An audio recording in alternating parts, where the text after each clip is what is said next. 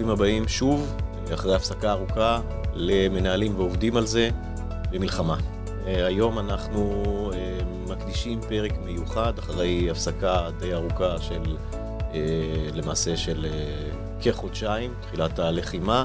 עצרנו את השידורים שלנו, למעט פעם אחת, עצרנו את השידורים שלנו מלפני סוכות, והנה אנחנו חוזרים. ישראל נמצאת במלחמה, ואנחנו נקדיש היום את הפרק לא לניהול, אלא לפיננסים, ונדבר אה, על ההשלכות שיש על המשק הישראלי אה, בעקבות הלחימה מכלל זוויות, אה, ולשם כך הזמנו לכאן אורח מכובד בשם צבי סטפק. שלום צבי. שלום. בפעם השנייה. נכון. זאת זכות, ואני, ברשותך, אני רק אציג אותך לפני שנתחיל. בבקשה. אה, אז אה, קודם כל, אה, אם תגללו קצת למטה לפודקאסטים הקודמים, תוכלו לשמוע פודקאסט מאוד מעניין, וגם סקירה של צבי על דרך הניהול שלו, וגם על קפיטליזם קשוב ומשמעויותיו, שבו הוא דוגל ואותו הוא מוביל.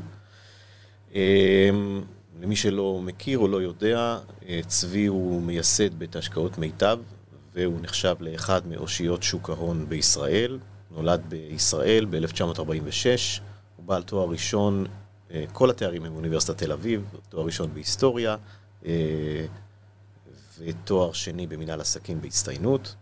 אה, צבי התחיל, שימש כמורה להיסטוריה בבתי ספר תיכוניים, ובמקביל בשנת 1977 פתח את צבי סטפק השקעות בע"מ, ניהול תיקי השקעות, זוכר את הספר שלך טוב, והתחיל לעבוד מחדר עבודה בביתו. ואז בשנת 79 פתח עם שותפו שלמה סימנובסקי את מיטב, אה, ממשרד של חדר אחד ברחוב ביאליק ברמת גן. ביאליק, המתמיד, תתמידו, תצליחו. אה, ב-2013, אחרי המיזוג, מיטב דש היה כבר לשני בגודלו בישראל וניהל נכסים של כ-130 מיליארד שקל. עוד משהו שאתם לא יודעים, הוא שב-1993 הקים צבי את מכללת מיטב לשוק ההון, וערך הרבה הרצאות ללא תשלום לקהלים שונים, פשוט בגלל שהוא רואה בחינוך הפיננסי חשיבות גדולה מאוד. צבי מתגורר ברמת גן, ונשוי לאלן, ואב לשלושה. בתל אביב כבר. אה, בתל אביב, סליחה. הנה, רק בזה פספסתי. במיטב יש כאלף עובדים, והוא התחיל בשלושה עובדים. מיטב תורמת כאחוז וחצי מרווחיה בשנה לארגונים חברתיים שונים, וזה באמת מה שחשוב בינינו. הוא בית ההשקעות היחיד כמעט בתחום שיש לו הסכם קיבוצי מיוחד, שחל במיטב בלבד, הסכם קיבוצי מיוחד, וקובע שכר גבוה משכר מינימום ועוד הטבות כחוק פנימי, כנורמה במיטב. ונפנה אתכם לספר מאוד מעניין שנקרא עולם ההשקעות שלי, שצבי הוציא מוקדם יותר השנה. ובו אה, תוכלו לקרוא על תפיסת ההשקעות שלו ועל היסטוריה כלכלית מרוכזת של אה, שוק ההון, בכלל של הכלכלה הישראלית. אני לא חושב שיש ספר שמאגד, מסדר היסטוריה כלכלית של ישראל, וגם יש שם פרק על קפיטליזם קשוב, אז אם פספסתם את זה בפודקאסט שלנו, תוכלו לקרוא את זה שמה וכדאי לכם. ודבר אחרון, אתה עדיין מגיע לחתונות של כל אחד ואחד במיטב? לא, לא נגזים. אה, חלק מהחתונות של אנשים שאני מכיר, חברה של אלף עובדים, אתה לא מכיר את כולם. מתחתנים כל הזמן. המשפט הזה די נכון, אבל לא לגביי, אלא לגבי הבן שלי, אבנר. אוקיי. Okay. אה, שכן, חתונות, לא עלינו הלוויות, אה, שיבה וכולי. גם לגביו זה כבר משימה לא פשוטה לעשות את. כן. זה, אבל אה, הוא עושה את זה. ואפרופו תרומות שהזכרת, אז עכשיו, בהקשר של המלחמה, אנחנו קיבלנו החלטה אה, לעשות עוד כמה מהלכים. אנחנו החלטנו לתרום עוד, בנוסף לבערך שני מיליון שקל שאנחנו תורמים מזה 15 שנה, אני חושב, כל שנה, לעשרות עמותות. אנחנו תורמים, החלטנו בדירקטוריון שהיה ממש לפני שבוע, לתרום בשנה הקרובה, 2024, עוד שני מיליון שקל, אה, למטרות אזרחיות וצבאיות נקרא לזה, צרכים צבאיים ואזרחיים שישנם. ואנחנו הולכים לאמץ יחד עם עוד שלוש או ארבע חברות עסקיות אה, שמשתתפות כולם בפורום העסקים, יש את המושג הזה של פורום העסקים, לאמץ קיבוץ דתי בעוטף עזה, שהם עלומים, וללוות אותו בשנים הבאות בכל מיני צרכים שהייתה ישיבת התנעה לפני כמה ימים. מעבר לזה, אנחנו ממשיכים במסורת שהיום לצערנו היא מאוד אקטואלית, אה, של מתן 150 שקל ליום לכל, אה, לכל מתגייס, כל אה, חייל במילואים שמשרת עכשיו בצבא. יש לנו מתוך אלף עובדים, קרוב ל-60 עובדים שהם כרגע במילואים, ובנוסף למה שמגיע להם בתוקף ביטוח לאומי וכל זה, אז הם מקבלים עוד 150 שקל ליום. שמגויסים אה, מהחברה, מהאמצעים שלנו עצמם. כך שמשתדלים להירתם לנושא. מעבר לזה, הבן שלי, זה לא נושא השיחה שלנו, אבל אם כבר אני הזכרתי, הבן שלי, אבנר, נרתם כל כולו לעניין. היה בשדרות תחת אש אה, כמה פעמים, למרות שהוא לא במילואים, כבר עבר את הגיל. אה, חילק מזון וחילק תרופות לקשישים שם, עשה מיזם של 2,500 איש שהוא ארגן, מתוך קשרים שיש לו לקטיף, בבית הלל שבצפון ובדרום, ועכשיו יש לו מיזם מאוד מעניין, שאני מקווה שיקרוא מאור וגידים, מנסה לייצר מיזם ענק של אה, סיוע נפשי mm-hmm. כן. לאנשים. באמצעות אה, מאות מתנדבים שיקבלו הכשרה, הם לא פסיכולוגים, הם יקבלו הכשרה מפסיכולוגים פסיכיאטרים, כן. ויהיו פשוט אוזן קשבת לאנשים, ש, שזה יושב עליהם חזק כל הנושא, ובמקרים חריגים ידעו להפנות אנשים באמת לאנשי מקצוע, כי הם לא אמורים להיות אנשי מקצוע, פשוט אוזן קשבת. פרויקט ענק של אה, באמת, הוא אה, מגייס עכשיו תרומות לעניין הזה וכדומה. מקווה שזה יקרום עור גידים, זה בשלבים של בנייה עכשיו. יפה. אז הם משתדלים להירתם לדברים האלה. צריך לפרגן, כי כן. אה, לפחות אה, אני מאזין קבוע לפודקאסט של... אה, אבנר ועומר רבינוביץ' כן. בימי שלישי בערב, כן. נכון, פודקאסט מצוין בנושא של שוק ההון והשקעות. ודרך שם אני גם שומע על כל היוזמות המאוד ברוכות. כן, יש לו שם פינה חברתית שהוא כן. כל פעם נותן איזה כן. זרקור על משהו. כן. אימצנו את זה גם לפה, את הפינה החברתית, וזה ראוי ויפה.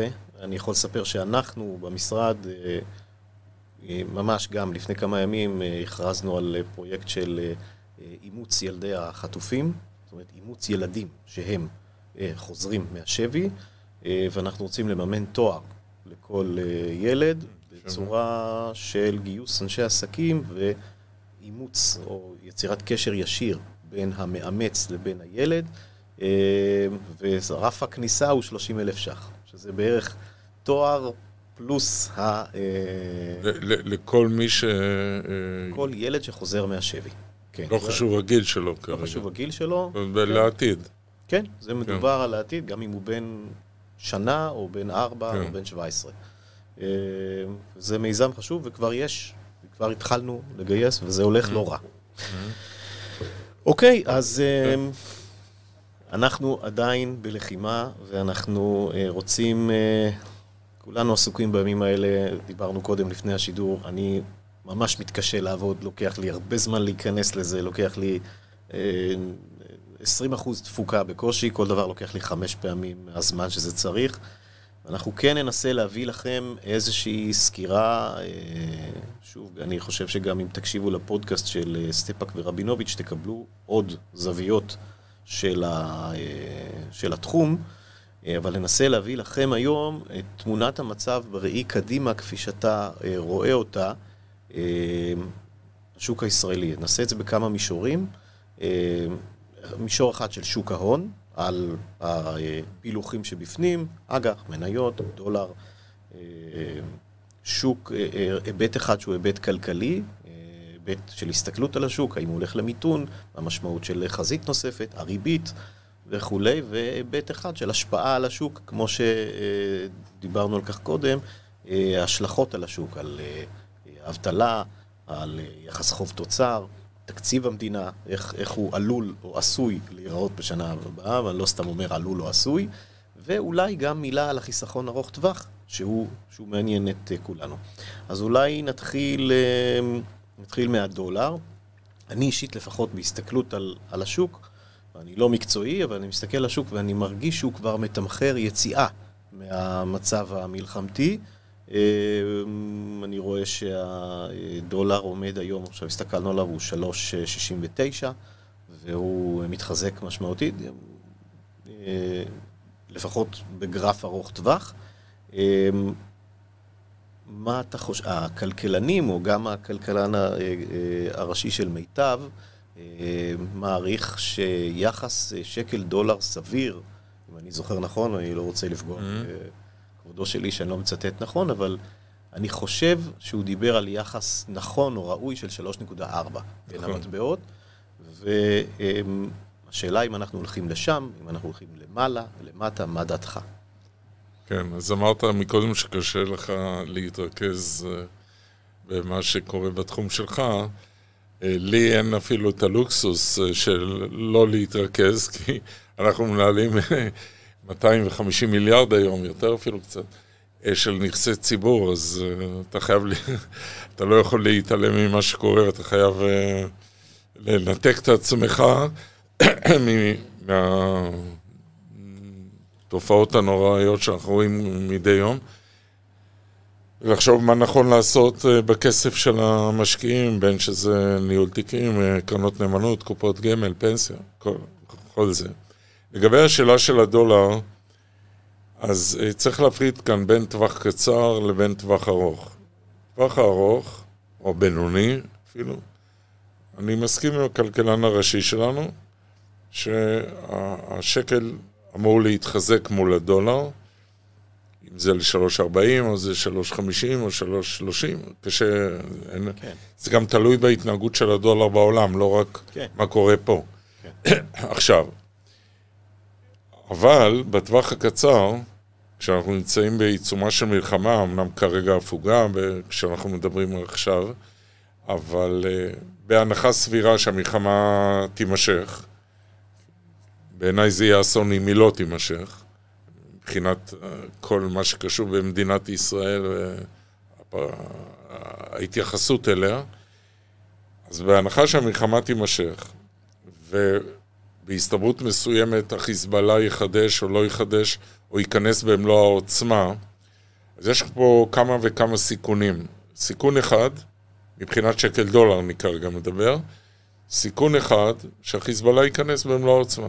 אם החיזבאללה ייכנס במלוא העוצמה, אין לי ספק, למרות שבבורסה אומרים תמיד בשוק ההון, אסור להגיד אין לי ספק, כי תמיד יש ספק, אבל בהסתברות גבוהה מאוד, הפיחות יחזור, השקל ימשיך, זאת אומרת, יחזור להיחלש. אם החיזבאללה ייכנס במלוא העוצמה, ואנחנו נהיה כאן תחת אה, אה, טילים אה, בתל אביב, אה, בעוצמה הרבה יותר גדולה, וטילים מדויקים וכל זה. עכשיו, ככל שהמלחמה גם תימשך, בעזה גם בלי חיזבאללה, ההיחלשות של המשק, אה, גיוס המילואים וכל הדברים האלה, האטה כלכלית. כשמשק נמצא בהאטה כלכלית, בדרך כלל, אין תמיד, אבל בדרך כלל המטבע שלו נחלש. הפוך מאשר כשהמשק בצמיחה. אה, ואז אתה צריך להוריד את הריבית בתקופה של האטה כלכלית, הורדת הריבית יכולה גם כן להחליש את, ה, אה, את השקל.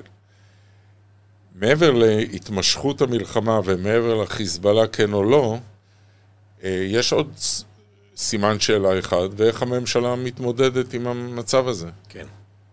אם הייתי צריך לתת לה ציון עד היום, הייתי נותן לה ציון נכשל. ארבע. ארבע, שלוש, כל אחד שיבחר. אה, למה? כי היא, קודם כל לקח לה זמן לתפוס את גודל האירוע הזה, כן. את המשמעויות הכלכליות. אגף התקציבים הוא היסטורית רואה את התפקיד שלו בשמירה על הקופה, והגישה שלו היא גישה לטעמי יותר מדי צרה וגזברית, ופחות מדי רחבה ומערכתית. ותמיד הצעדים שהוא נוקט הם צעדים יותר מדי זהירים. זה טוב להיות זהיר, זה טוב להיות אחראי גם בניהול תקציב המדינה וגם בניהול השקעות של הציבור, זה, זה ברור. אבל יש גם מחיר לזה שאתה זהיר מדי. לטעמי הם לא פעלו מספיק מהר ולא, ולא פעלו בעוצמה מספקת, והבעיה עם הדברים האלה היא שאם אתה לא פועל בזמן, לעזור נגיד לעסקים שנמצאים במצוקה, גם הורדת ריבית בעוד חודשיים-שלושה לא תעזור לעסקים האלה, כי הם כבר uh, יהיו בגסיסה. Uh, אז זה היה גם נכון, אגב, בתקופת הקורונה. ואז לקח להם גם כן זמן להתעשת, ואז הם כן הלכו all in, כמו שאומרים, כן, בחזק, ויצאנו מהקורונה, המשק יצא מהקורונה בצורה הכי טובה שבעולם. באמת, ברמת מדינות, היציאה שלנו, למרות שהיה גירעון עצום, 11% אה, בתקציב מהתמ"ג, אה, יצאנו עם צמיחה מיד אחרי הקורונה יותר מסין, יותר מהרבה מאוד אה, מדינות. אז צריך להתנתק מהגישה הזו. עכשיו, אם לא יתנתקו, אז יהיה לזה מחיר, גם בשקל דולר, השוק יבין את זה, ואז זה, זה, זה יחמיר את ההאטה, ויש דברים שאתה כבר לא יכול להחיות את, ה, את החצי מת, כן? לכן חשובה כאן פעילות uh, מהירה, והשאלה, כמה הממשלה תעשה את זה, אני כבר לא מדבר על כספים קואליציוניים, שזה סימן רע מאוד, זה איתות רע מאוד, לא רק פנימה, לתור, גם החוצה. בסולידריות של, של החברה הישראלית, זה פוגע בסולידריות. כן. זה גם החוצה, חברות דירוג, מסתכלים עליך מכל הכיוונים עכשיו. כן. אז, אז אני אומר, בעיניי ההסתברות שהשקל יפוחת מול הדולר ויגיע חזרה לכיוון ה-3.90, 4, אי אפשר לדעת, אה, היא יותר גדולה כרגע, נגיד חודשיים, שלושה הקרובים, מאשר שהוא יגיע ל-3.40. כן. אלא אם כן, אתה, מחר החיז... החיזבאללה לא, בכלל לא מגיב, והחמאס יוצא עם דגלים לבנים, בסדר. זה לא יקרה. כן. אוקיי. אמ, אתה הזכרת קודם שנתת מילה על הריבית, ואני אה, אה, חושב שהיא... הריבית היא עדיין גבוהה משמעותית, יכולה לרדת מצד אחד אולי כדי לעודד, או כדי לעזור, או כדי לתמוך, אבל אמ, יש הרבה אנשים שצופים שהריבית תרד קצת במהלך 2024, או באיזשהן מדרגות קלות. Mm-hmm. אתה מסכים עם ההערכה הזאת? קודם כל, בנק ישראל אומר את זה. בהודעה האחרונה, שהוא יום שני האחרון, הוא הודיע שהריבית לא משתנה בשלב זה. הוא, הנגיד רמז ש... כדי שהריבית תרד צריכים לקרות כמה דברים.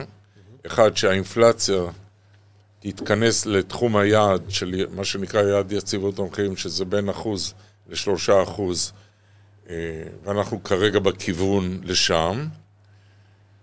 אבל הוא התנה את זה גם ביציבות שקל דולר, זאת אומרת, הוא רמז שאם הפיחות יתחדש או משהו כזה, זה יקשה להוריד את הריבית. והוא תלה את זה גם ב, ביציבות כותרת כללית, בשווקים הפיננסיים בכלל. Okay. אוקיי. פחות תנודתיות, פחות זה, לראות שהדברים אה, נרגעים, נקרא לזה ככה.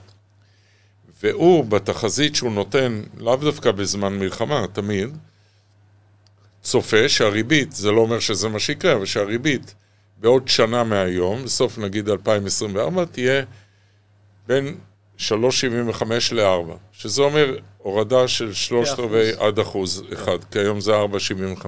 כן. אז אה, בפירוש הוא מדבר על מדרגות. אפשר להעריך שהריבית תרד בינואר, בדצמבר אין, אין, אין לו ישיבה, תמיד יכולה להיות ישיבה מהמין, אה, שלא מהמניין, אבל אין. אה, בינואר הוא עשוי להוריד את הריבית, אם באמת התנאים יהיו רגועים מהבחינה הזו, האינפלציה היא אכן בירידה, כי הביקוש של הציבור לא מאפשר, אה, ביקוש נמוך, לא מאפשר עכשיו לעלות מחיר. זה גם מאוד לא פופולרי ומאוד לא נראה טוב לחברות היום לעלות מחירים בתקופת מלחמה. יש חשש גם מהתקשורת וכל הדברים האלה. ואז אה, ייתכן שהוא יתחיל בהורדה של רבע אחוז, לא צריך לצפות ליותר מזה.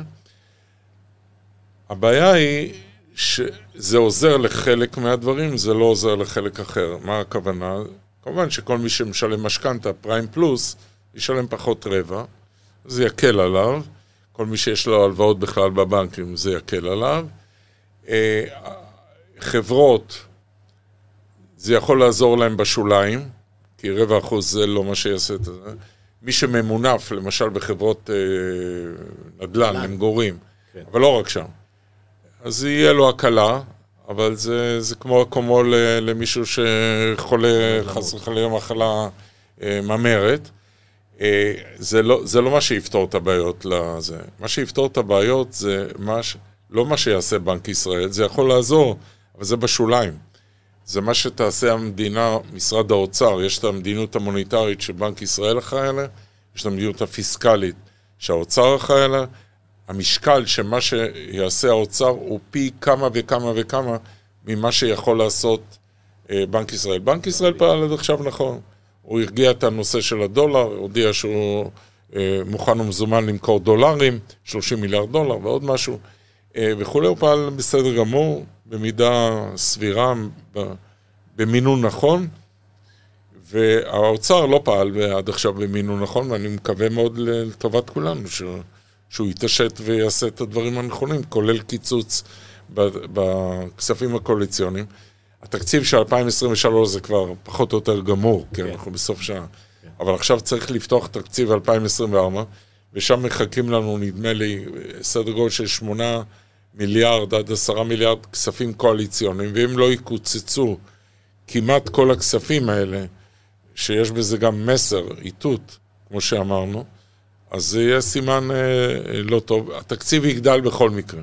כן. כי הנזקים מהמלחמה יהיו גדולים. אם החיזבאללה ייכנס, אז עוד הרבה יותר. זאת השאלה הבאה שלי. כי אנחנו okay. אוקיי. מדברים בעצם, ציירנו פה מצב, אני רגע, אני אעשה איזשהו כן. סיכום למי שאיבד אותנו, ציירנו פה מצב שבו אה, אנחנו אה, נותנים יותר סבירות לעלייה מתונה של הדולר מאשר לירידה אה, של, אה, של אה, בשלב הנוכחי. בשלב הנוכחי בחודשים, בחודשיים, שלושה הקרובים. ועל פי הכרזות בנק ישראל, במצב הנתון היום, שזה אומר לחימה בדרום בצורה, באינטנסיטי של היום, הריבית תישאר ותתחיל לרדת בצורה מתונה עד שהיא תבסס ירידה של כאחוז עד סוף 2024.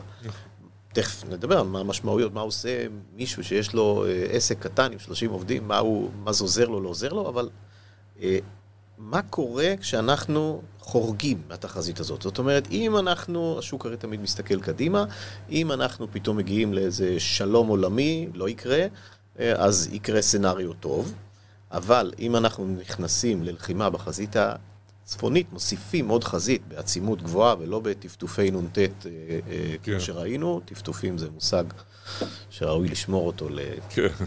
קיבוץ מסוים בצפון כן. שמייצר, ירעון לדעתי, מייצר טפטפות. כן.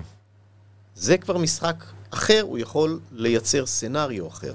אני, אני צודק? ועוד איך. כלומר, זה החשש הכי גדול שלי כרגע.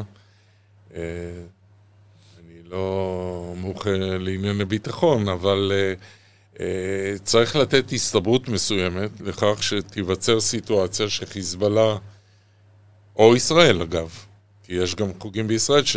שאומרים שזו ההזדמנות עכשיו שארצות הברית באזור, למרות שהמסרים, למרות שהמסרים הם שארצות הברית לא מעוניינת שנתרחב לכיוון הזה, ואין מה לעשות, אנחנו אומנם מדינה עצמאית, ריבונית, שרים אוהבים לדבר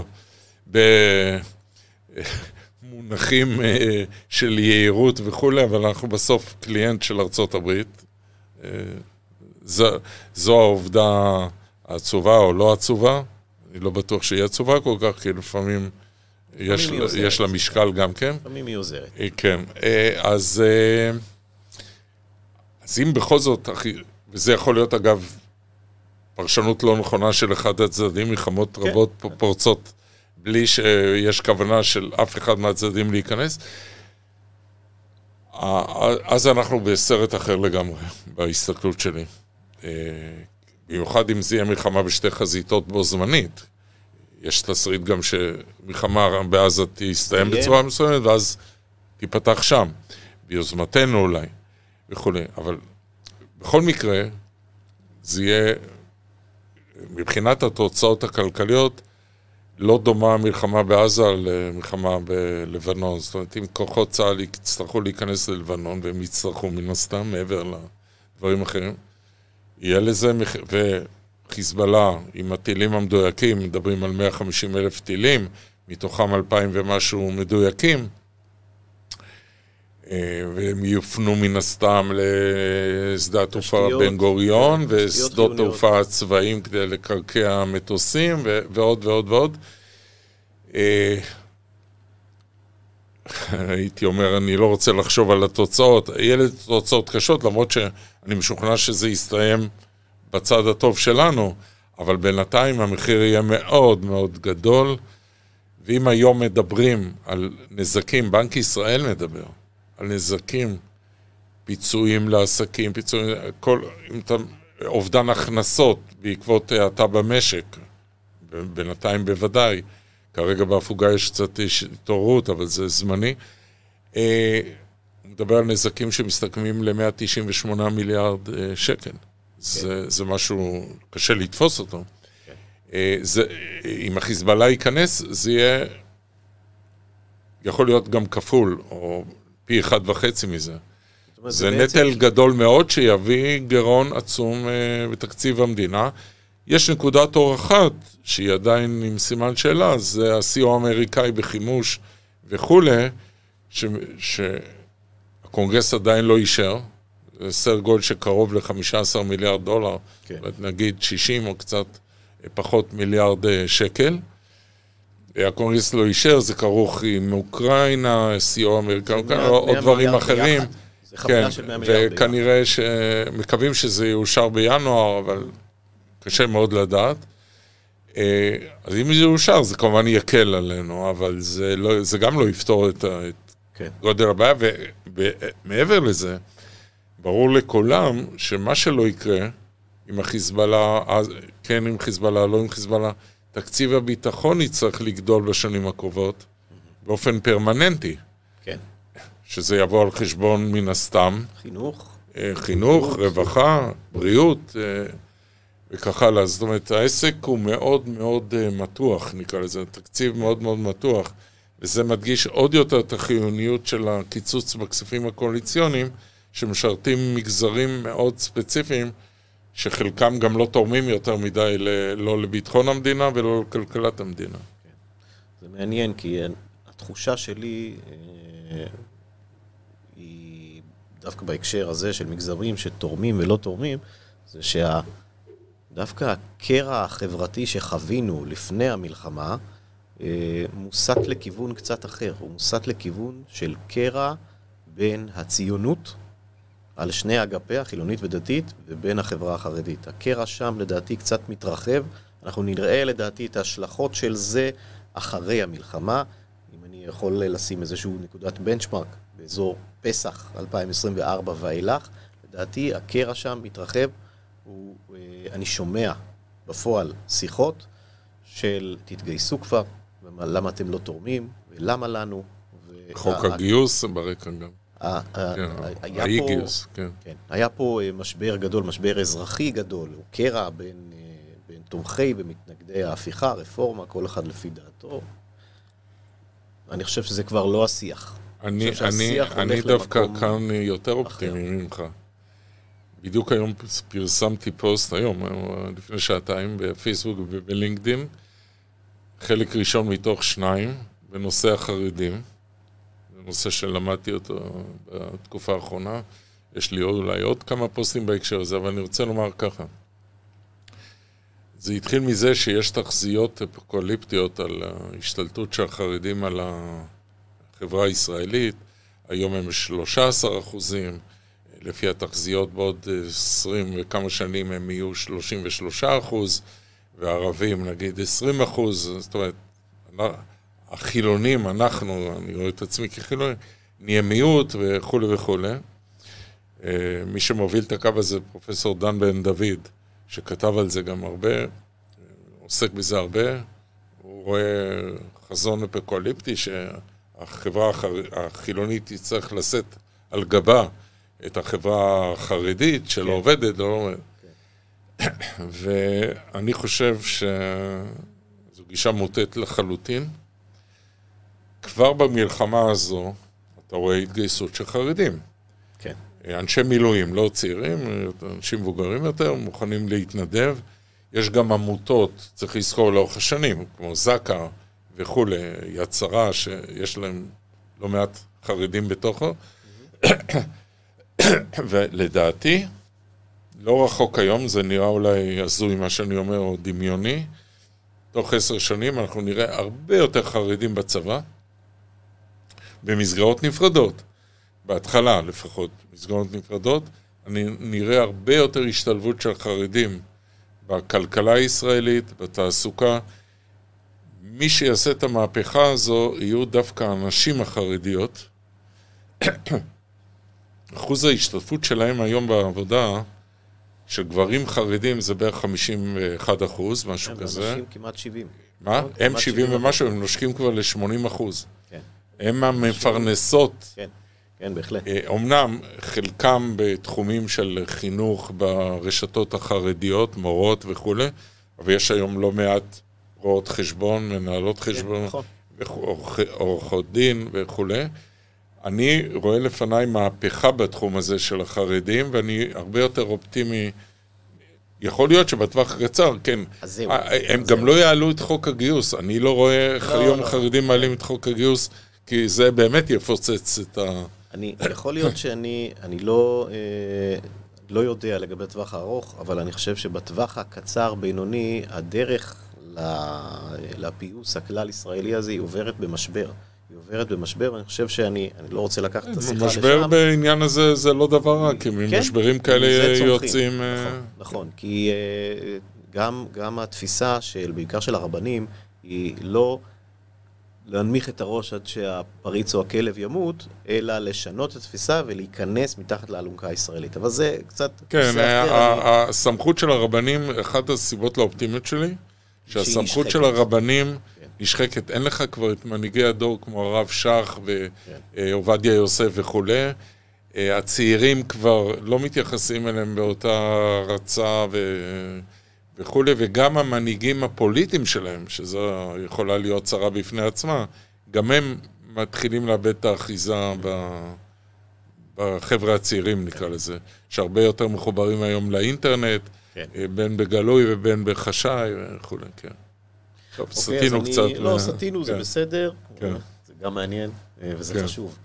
אה, כי בסוף, אגב, אנחנו מיד חוזרים למניות ואג"ח וכולי, אבל בסוף אה, אנחנו מדברים על ההשקעה, על, על ההשלכה של הדברים האלה על המשק. נכון. המשק הישראלי צריך להיות, כל, כל אדם שעיניו בראשו אומר, אם אני אקנה עכשיו קרקע חקלאית לנכדים, כן, למחפשי ההשקעות כן, למיניהם, כן. אל תעשו את זה בכל מיני חברות של, כן. צריך לדעת ממי, אבל הוא חושב לעצמו, האם ישראל תהיה ישראל שאני מכיר או מצפה בשנת 2070? כי אם היא לא תוכל לשאת על עצמה מגזר שלא עובד, אז הקרקע כן, החקלאית, אפשר יהיה כן. לגדל בה מלפפונים וזהו.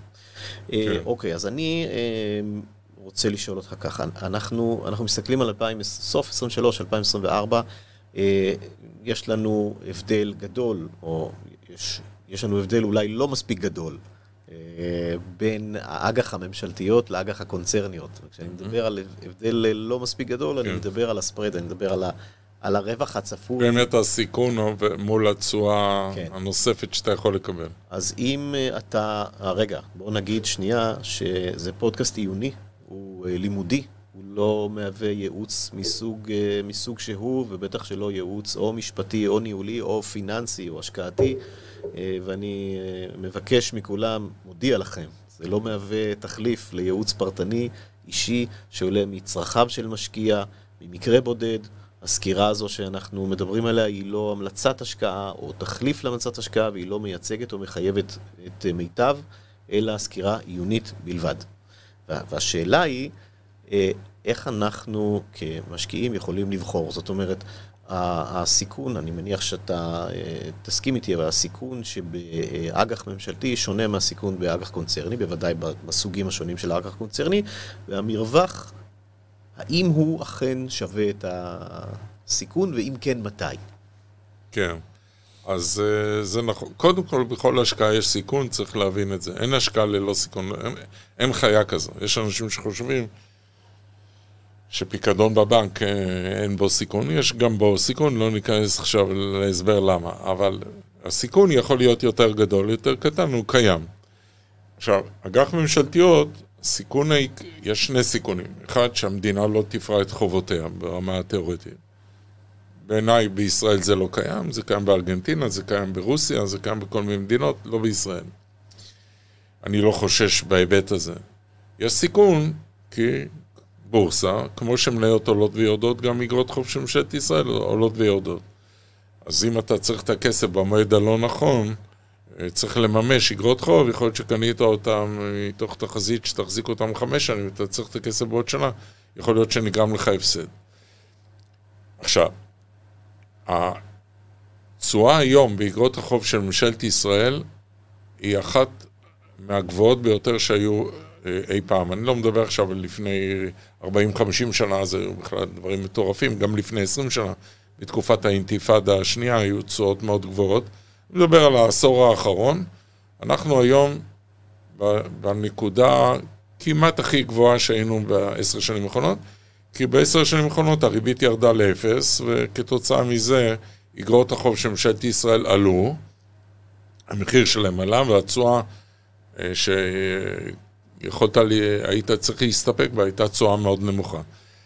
מכיוון שהם, בעקבות העלאות הריבית, לא הורדות הריבית, העלאות הריבית, המחירים של אגרות החוב של ממשלת ישראל התאימו את עצמם, מה זה התאימו את עצמם? הם ירדו כדי, לי, כדי לייצר תשואה יותר גבוהה קדימה, לא מה עשית. אנשים מתבלבלים הרבה פעמים כן, במושג כן, תשואה, דרך אגב. זה תמיד הפוך באגרות חוב. כן. אז אני מדבר עכשיו על תשואה לפדיון, תשואה קדימה עד שאיגרת החוב נבדית. אז כתוצאה מזה שהסחורה נהייתה יותר זולה, המחירים ירדו, אז התשואה שאפשר לקבל היום קדימה היא יותר גבוהה, כי אתה קונה יותר בזול, כמו מניות וכדומה. אז היום יש תשואה יפה. אם על איגרת חוב, נגיד לעשר שנים לפני שלוש שנים, יכולת לקבל אחוז וחצי, היום ברוטו, לפני מס, היום אתה יכול לקבל יותר מארבעה אחוז, שזה תשואה יפה. יפה. בקופות גמל שפטורות ממס 4% או 4.5% זה 4.5% אה, נקודה. כן. זאת אומרת, כי הן לא משלמות, קופות גמל, השתלמות, פנסיה, לא משלמות אה, מס. שזה אומר שהעמיתים לא משלמים מס. אה, בדברים אחרים, אם עמית, אם האדם קונה איגרת חוב כזו ב-4% ברוטו, אז הוא מקבל בערך 3% נטו פלוס מינוס. תלוי באיגרת חוב. עכשיו, אז זו נקודה אחת. הנקודה השנייה, אגרות החוב של פירמות, מה שנקרא קונצרניות. אגרות חוב של חברות עסקיות. אז כאן כמובן זה לא משהו הומוגני, זה לא אגרות חוב של מדינת ישראל, דבר אחד, זה אגרות חוב מסוגים אה, שונים, מדרגות מסוגים שונות. שונים ובעיקר של חברות שונות. יותר טובות, פחות טובות, יותר ממונפות, פחות ממונפות אה, וכולי, ואתה יכול לקנות היום אגרות חוב של חברות ולקבל על הנייר תשואה של 70% בשנה, כן, שזה מטורף. מה שהשוק אומר לך בעצם, תיזהר, כי זה... לא סתם האיגרת חוב הזו נותנת לך 70% כנראה שיש בעיות בחברה הזו, ואולי זה רק על הנייר והיא לא תיתן לך כלום, גם לא, כן. גם לא 2%. ויש איגרות חוב של בנקים למשל, שהנפיקו בנק לאומי, בנק פועלים, שנותנות תשואה בערך של אחוז אחד יותר לשנה מאשר איגרת חוב של מדינת ישראל. למה? כי הסיכון בבנקים הוא אמנם נמוך, אבל הוא יותר גבוה מאיגרות חוב של מדינת ישראל. מדינת ישראל תמיד יכולה במקרה הגרוע ביותר להדפיס כסף ולתת לך, כן. לצאת ידי חובתה, לא משנה האינפלציה שעלולה להיות. כן. בנקים אין להם מדפסת אה, כסף. אה, עכשיו, אה, אם תקנה היום אגרות חוב של חברות כמו עזריאלי ומליסון וכאלה חברות גדולות ויציבות, אז תקבל אחוז וחצי או קצת יותר, זה כמובן משתנה כל יום. עכשיו, כשאתה מחליט אם כן נכון לקנות אגרות חוב קונצרניות או לא, אתה בודק uh, האם אתה מקבל מספיק תמורה לאגרה. זאת אומרת, אתה... מסק... אתה מוכן לקחת יותר סיכון ברגע שאתה קונה אגרות חוב של פירמות, אתה רוצה לדעת כמה אתה מקבל יותר. אז בממוצע, ממוצע זה תמיד מטעה, כי יש סטיות לכל הכיוונים. היום אתה מקבל בערך באגרות חוב אה, של פירמות אחוז וחצי יותר לשנה, מאשר אגרות חוב של ממשלת ישראל. יש... ברוטו. לפני ברוטו. מס אה, כן, כן, כן, הכל ברוטו. אה, ואתה, יש היום מה שנקרא סלים, מדדים של הבורסה. כן.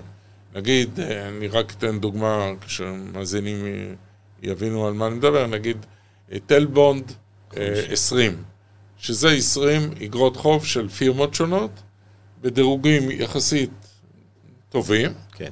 לא, לא תמיד הכי גבוהים, אבל דירוגי השקעה, מה שנקרא. שאם אני קונה את זה עכשיו כסל, לא מתעסק עם אגרות חוב ספציפיות, קנייה אחת מרוכזת, אז יש לי סל עם אחוז וחצי יותר לשנה. כן. לאורך 4-5 שנים זה מצטבר ל-7 אחוז נגיד, משהו כזה. וזה יהיה נכון כל זמן שבאמת כל הפירמות האלה יעמדו בתשלומים שלהם. נכון. אם אחת מהן תגיע להסדר חוב או משהו כזה, זה יפגע. עכשיו, במצב נורמלי, כשאתה לא במלחמה ואתה לא בהאטה כלכלית, אז אחוז וחצי זה מה שנקרא מרווח סביר, ספרד או מרווח סביר. אלא מה, שאנחנו היום במצב מלחמה, שחלק מהחברות מינפו את עצמם, לא, לאו דווקא בסל טנבונד 20, אני מדבר באופן כללי יותר, האטה כלכלית, הריבית, גם אם היא תרד, וכאשר היא תרד, היא עדיין תהיה די גבוהה, משמעותית, כן. ולכן אני לא הייתי רץ לאגרו, לסלים כאלה אה, אה, במרווח הנוכחי. אם המרווח היה נגיד 2%, אה, זה כבר מתחיל להיראות יותר אה, סביר. ואני מעדיף היום ללכת בגישה האישית שלי על so called בטוח. זאת אומרת, אם אני קונה אגרות חוב, אני רוצה לקנות אגרות חוב ספציפיות, של חברות ספציפיות, שאני בדקתי אותן, לא סל, וסומך עליהן. למשל, אגרות חוב של בנקים גדולים, אין לי בעיה איתם, אני לא... הרווחיות של הבנקים אה, תיפגע, כן, אה, חובות בעייתיים, אה, יהיו כשלי אשראי מן הסתם וכולי, עדיין הבנקים תמיד יודעים להרוויח. כן. המצב הבעייתי של הבנקים יכול להיות רק בתסריט של מיתון ארוך, של כמה שנים. כן. לא של שנה אחת בודדת, אז בסדר, שנה אחת בודדת. תיפגע הרווחיות שלהם, לא תהיה להם בעיה לשלם את החובות שלהם באגרות החוב. אז שם התוספת היא יותר קטנה, הפיצוי שאני מקבל לעומת אג"ח ממשלתי יותר קטן, אבל עדיין זה בעיניי יותר טוב לקבל עוד אחוז מאשר עוד אחוז וחצי, ולקחת על החצי אחוז הזה סיכון, שכרגע יכול להיות שאני מגזים בחשש, ויתברר בעוד כמה שנים שהמשק יצא יפה מכל העניין, אבל בשביל מה להמר על זה? אז זאת אומרת, אה, אני אחזיר אותך רגע קודם, ואמרת, אה, יש אה, פרמיית סיכון שהיא נמוכה מאוד כשמדובר באג"ח ממשלתי, ופרמיית סיכון קצת יותר גבוהה באג"ח קונצרני, אבל כן דיברנו קודם על הניהול של המשבר הזה, ניהול המשבר על ידי הממשלה, ויש כן חשש שבניהול גרוע, באי הסטת כספים קואליציוניים, בניהול גרוע, באי פתיחת ה... אני לא חושב ש... לא מדברים על ברננקי מהמסוק, כמו שהיה פעם, כן, אבל. אה, יש סיכון אה, שהגירעון יכול לגדול באופן משמעותי, ואז כן יש סיכון לאג"ח ממשלתי אה, מבחינת המשקיע הבודד, נכון? ברמה התיאורטית בוודאי, ברמה המעשית זה תלוי בעוצמת הגירעון. כרגע מעריכים ש-2023 תסתיים השנה הנוכחית בגירעון של 3.5%, כשבתקציב יעד הגירעון היה אחוז אחד, אבל כבר סטינו עוד לפני המלחמה, אגב, זה לא רק המלחמה, כן. זה מחמיר כבר המלחמה, ובנק ישראל מעריך שבשנה הבאה הגירעון יגיע לחמישה אחוז. אני חושב שגירעון יהיה יותר גבוה, לא פחות משישה אחוז, אבל אני גם לא נבהל מזה. ואני אגיד למה.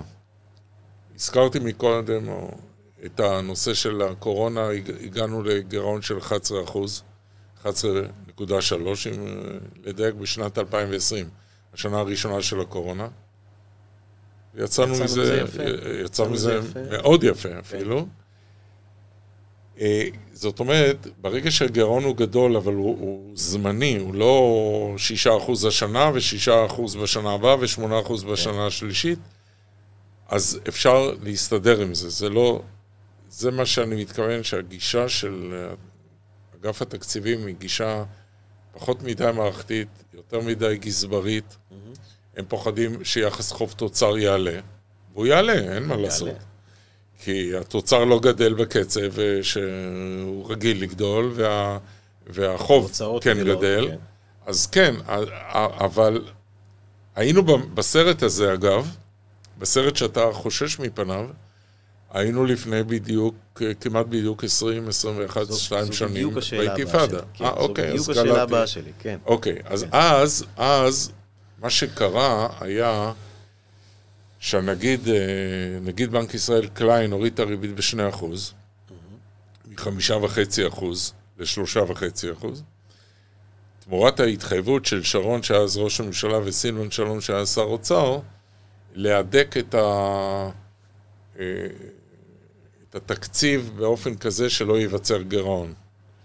זאת אומרת, לצמצם עלויות וכולי.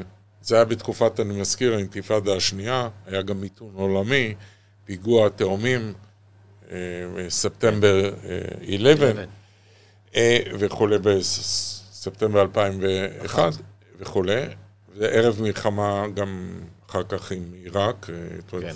ארה"ב עיראק, מלחמת המפלצת השנייה. עכשיו, ואז המדינה לא עמדה בהתחייבות, אפרופו התמודדות, ויצרה גירעון של 6% בתקציב, ומה שקרה אז זה שהאינפלציה זינקה, ובנק ישראל נאלץ לעשות רוורס, אחרי שהוריד את הריבית ב-2% ל-3.5%, הריבית התחילה לטפס והגיעה בסוף השנה לקצת יותר מ-9%.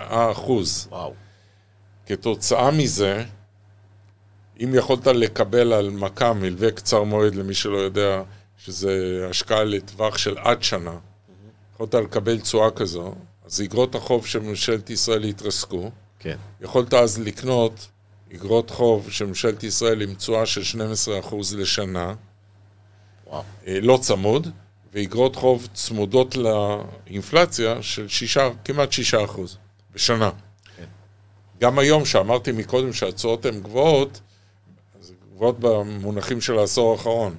במונחים של אז, זה הרבה פחות כמובן. כן. אבל המשק נכנס אז כתוצאה מזה שהמדינה לא התמודדה נכון עם המצב, פשוט לסחרור. כן.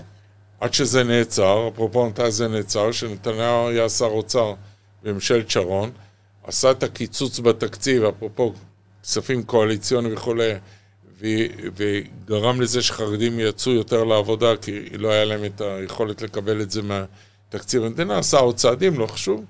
והמשק ב-2003, כבר סוף 2003, התחיל לצאת מה, מהמסלול ו, ועבר מצמיחה שלילית אה, לצמיחה חיובית שהלכה וגברה וכולי וכולי.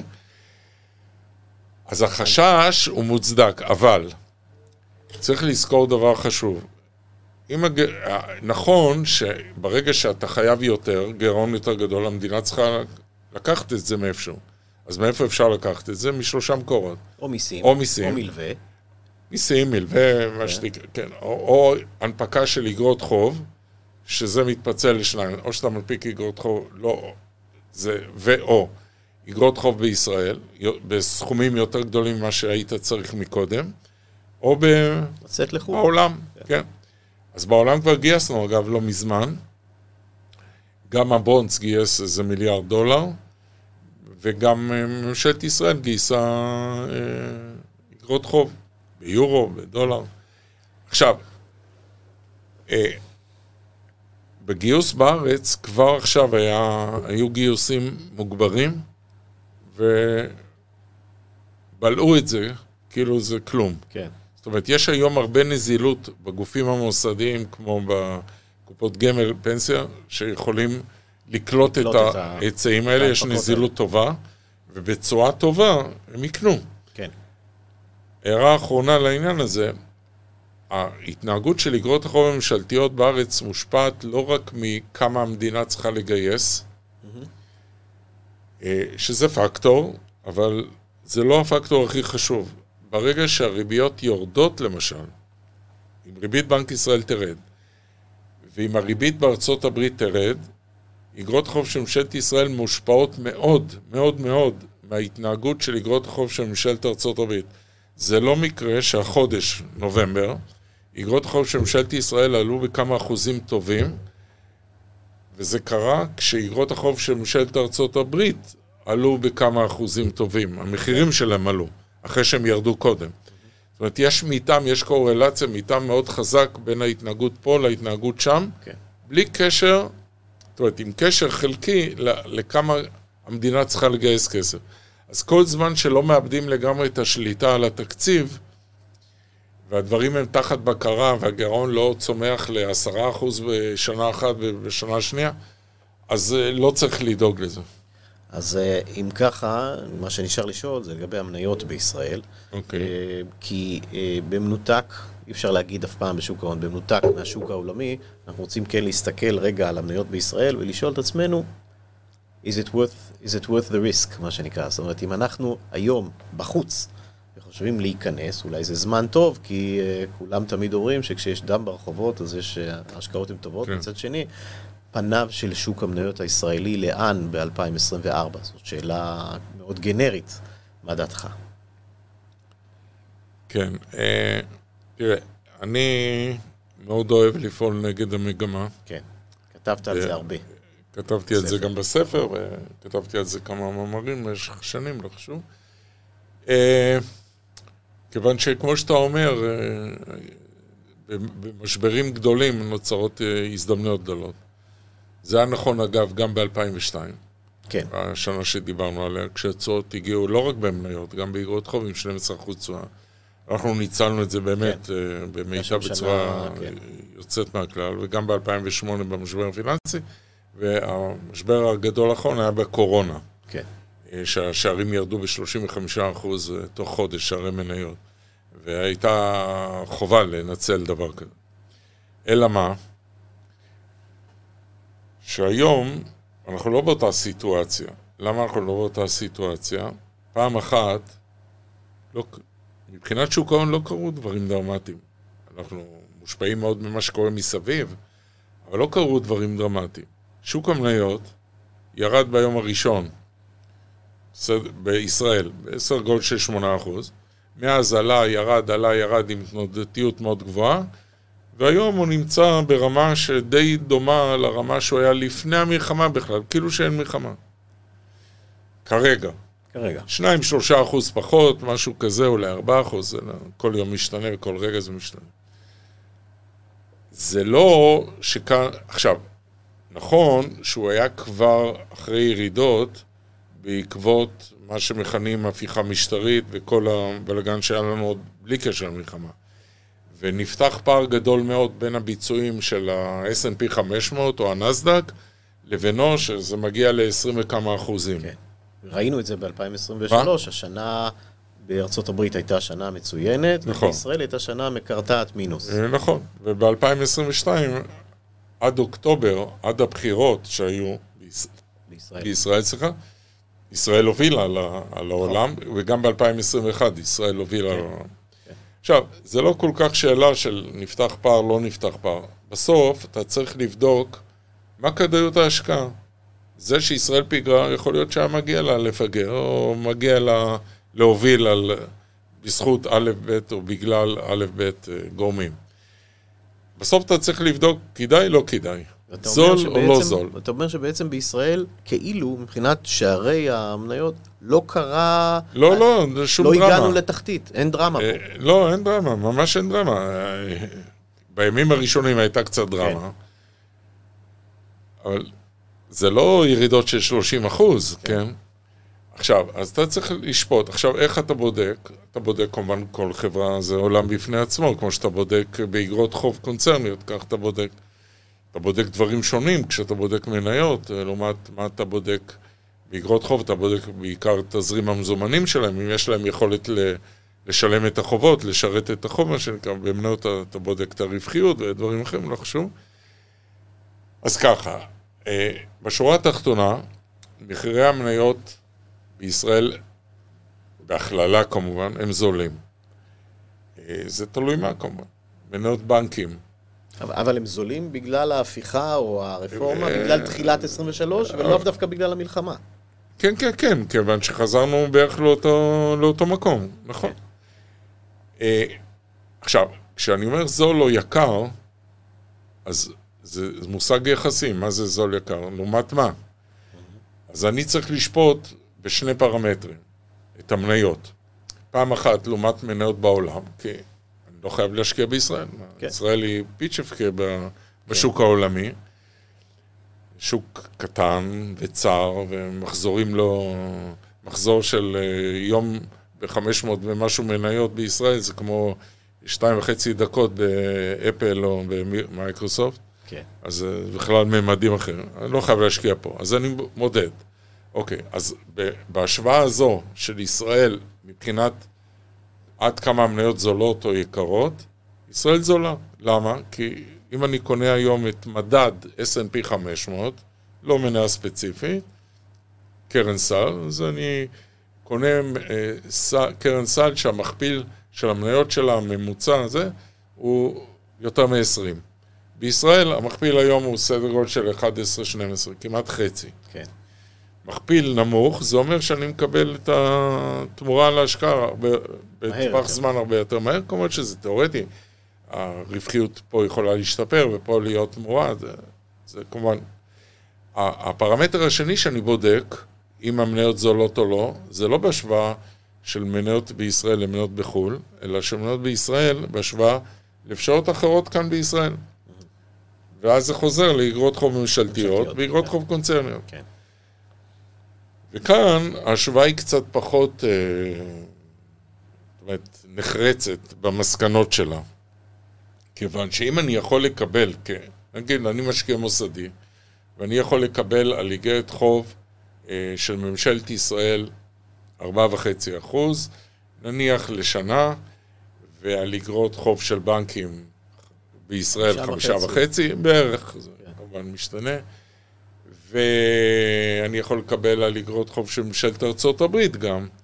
אה, חמישה, אה, לא חמישה היום, אה, כן, אגרות חוב נגיד לשנה, שנתיים, סביב החמישה אחוז בשנה דולרי, שאז זה חשיפה, תלוי מה יעשה כן. הדולר כבר, וכולי, ואפשר לייצר, אבל, אבל אם נעזוב רגע את ארצות ונתרכז בישראל, יש פה אפשרויות השקעה שמתחרות בשוק המניות. אז המסקנה בסוף היא תראה, אני בגישה תמיד, בלי קשר, מלחמה, לא מלחמה, אה, כל אדם שיש לו גם יכולת כלכלית, אופק השקעה לא קצר מדי, לא, לא בא להשקיע עכשיו לחצי שנה, שנה, אלא יש לו אופק שהוא לא יזדקק לכסף בשנים הקרובות, ויש לו יכולת, אה, לא פחות חשוב, יכולת מנטלית אה, גם להתמודד עם מצבים שבהם הוא השקיע והפסיד כסף, והוא לא נכנס לפאניקה ומוכר את, ה, את מה שהוא קנה. אנשים שעומדים בקריטריונים האלה צריכים להיות תמיד במניות. אין מצב ש... ש... מוצ... שמצדיק אפס מניות. עכשיו, כל אחד צריך להחליט לעצמו מה רמת הסיכון שהוא מוכן לקחת. אז אחד יחליט שזה 25% ואחד יחליט שזה פחות או יותר, בסדר. אז צריך להיות במניות, וזה שהאגרות חוב אה, שממשלת ישראל מתחרות במניות, זה לא אומר שעכשיו אתה צריך למכור את כל המניות ולקנות אגרות חוב שזה... חלק מהחוכמה של ניהול השקעות זה פיזור, זה איזון בין מרכיבים שונים, שחלק ייתן ככה תשואה וחלק ייתן ככה תשואה, הכל בסדר. עכשיו,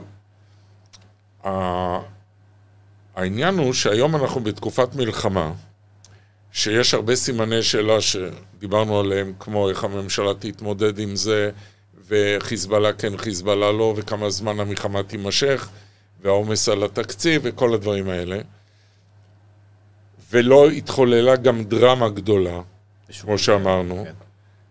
אז אין סיבה לרוץ ולקנות מניות. מי שאין לו מניות בכלל, יש הבדל, תלוי בנקודת המוצא. מי שאין לו מניות בכלל, כי הוא מכר אותם אה, לפני כמה חודשים, והוא ממתין על ה sidelines, כמו שאומרים, שולי המגרש.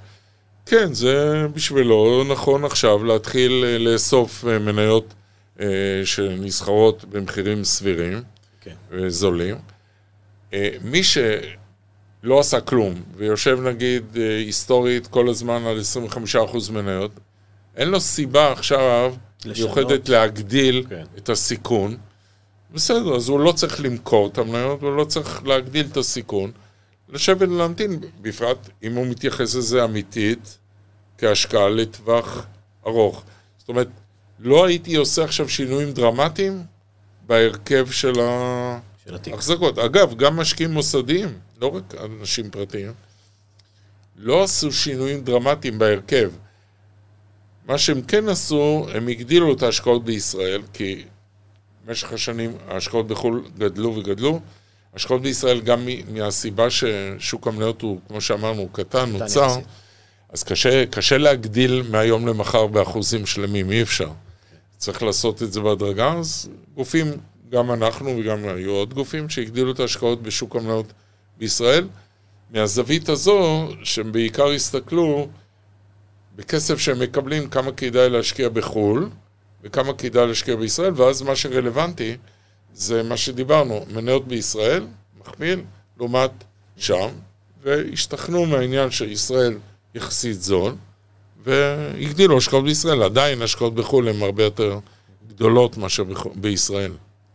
אני מבין. Uh, האמת היא שאני חושב שהגיע הזמן לארוז את המשדר, לצערי, ולא שאלתי אותך על, uh, על התחזיות העתידיות על המשק ועל uh, על, על אבטלה ועל חיסכון ארוך טווח. אני יכול להגיד שהאבטלה תעלה בוודאות, השאלה רק לכמה מעריכים שהיא תעלה לשישה, לשישה אחוז, על הגירעון דיברנו, כן. שהערכות הרשמיות מדברות על חמישה אחוז, אינפלציה, אם נגיד בשורה אחת, אה, אני די אופטימי, גם כי דמי השכירות, אגב, שכר דירה שהיה אה, מאוד אה, דומיננטי בהעלאת, בעלייה באינפלציה, היום הוא דווקא מתמתן. אז יש כמה בשורות חיוביות באינפלציה, אלא אם כן יהיה פיחות מחודש, חזק, שיכול לייצר, או שמחיר הנפט יעלה חזק, כרגע מחיר הנפט רגוע לגמרי. אז בפרמטרים האלה של אינפלציה, גירעון אה, ואבטלה, גם האבטלה תהיה 6%, אז תהיה כנראה זמנית בשנה הבאה, ואחר כך תרד. זאת אומרת, המשק הישראלי, מה שמציל אותנו, שנכנסנו למלחמה הזו, בנקודת פתיחה יותר חלשה אמנם ממה שהיינו לפני שנה, בגלל כל הנושא של ההפיכה המשטרית, מחאה וכולי. הייטק גם, עולמי, אבל עדיין היינו בנקודת פתיחה טובה. אה, לעכל את התוצאות של המלחמה, ועכשיו חובת ההוכחה מוטלת על מקבלי ההחלטות, על קברניטי המשק והכלכלה.